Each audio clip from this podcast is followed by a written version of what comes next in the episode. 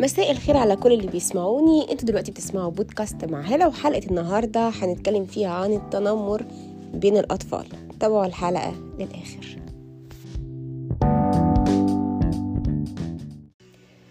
التنمر بين الأطفال. ظاهرة للأسف أصبحت منتشرة وبشكل كبير جدا في كل دول العالم. كشفت الإحصائيات على وجود ربع مليار طفل في المدارس بيتم التنمر عليهم من بين مليار طفل في العالم. وفي علاقة قوية جدا بين ارتفاع نسبة الانتحار بين الأطفال والتنمر بنسبة حوالي 30% سنويا. من ضحايا التنمر وقعوا ضحايا للانتحار. طيب إزاي نحمي أطفالنا من التنمر؟ أول حاجة ثقف طفلك بشأن التنمر. عرفه إيه هو التنمر وإيه هو سلوك المتنمر. عشان لو في يوم من الأيام تعرض ليه يعرف يميزه ويتعامل معاه.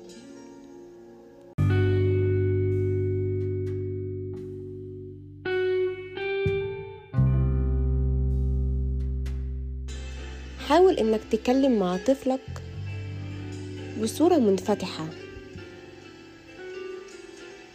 اسأله تعرض في يومه عن تنمر أو لسلوك ضايقه.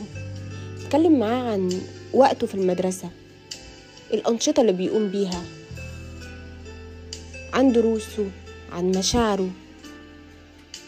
يبقى أول حاجة نتكلم مع طفلنا عن إيه هو التنمر أشكاله إيه؟ تاني حاجة نتكلم معاه بصورة منفتحة عن مشاعرهم عن وقتهم في المدرسة. تالت حاجة نساعدهم إن هم يكونوا قدوة إيجابية وإزاي إن هم يتقبلوا الجميع ويحترموهم. ويقدروا إزاي يتصرفوا بكل لطف مع كل حد بيتعاملوا معاه. أربعة. عززوا شعور الثقة بالنفس لأطفالكم. شجعوهم على الانضمام لأنشطة بيحبوها.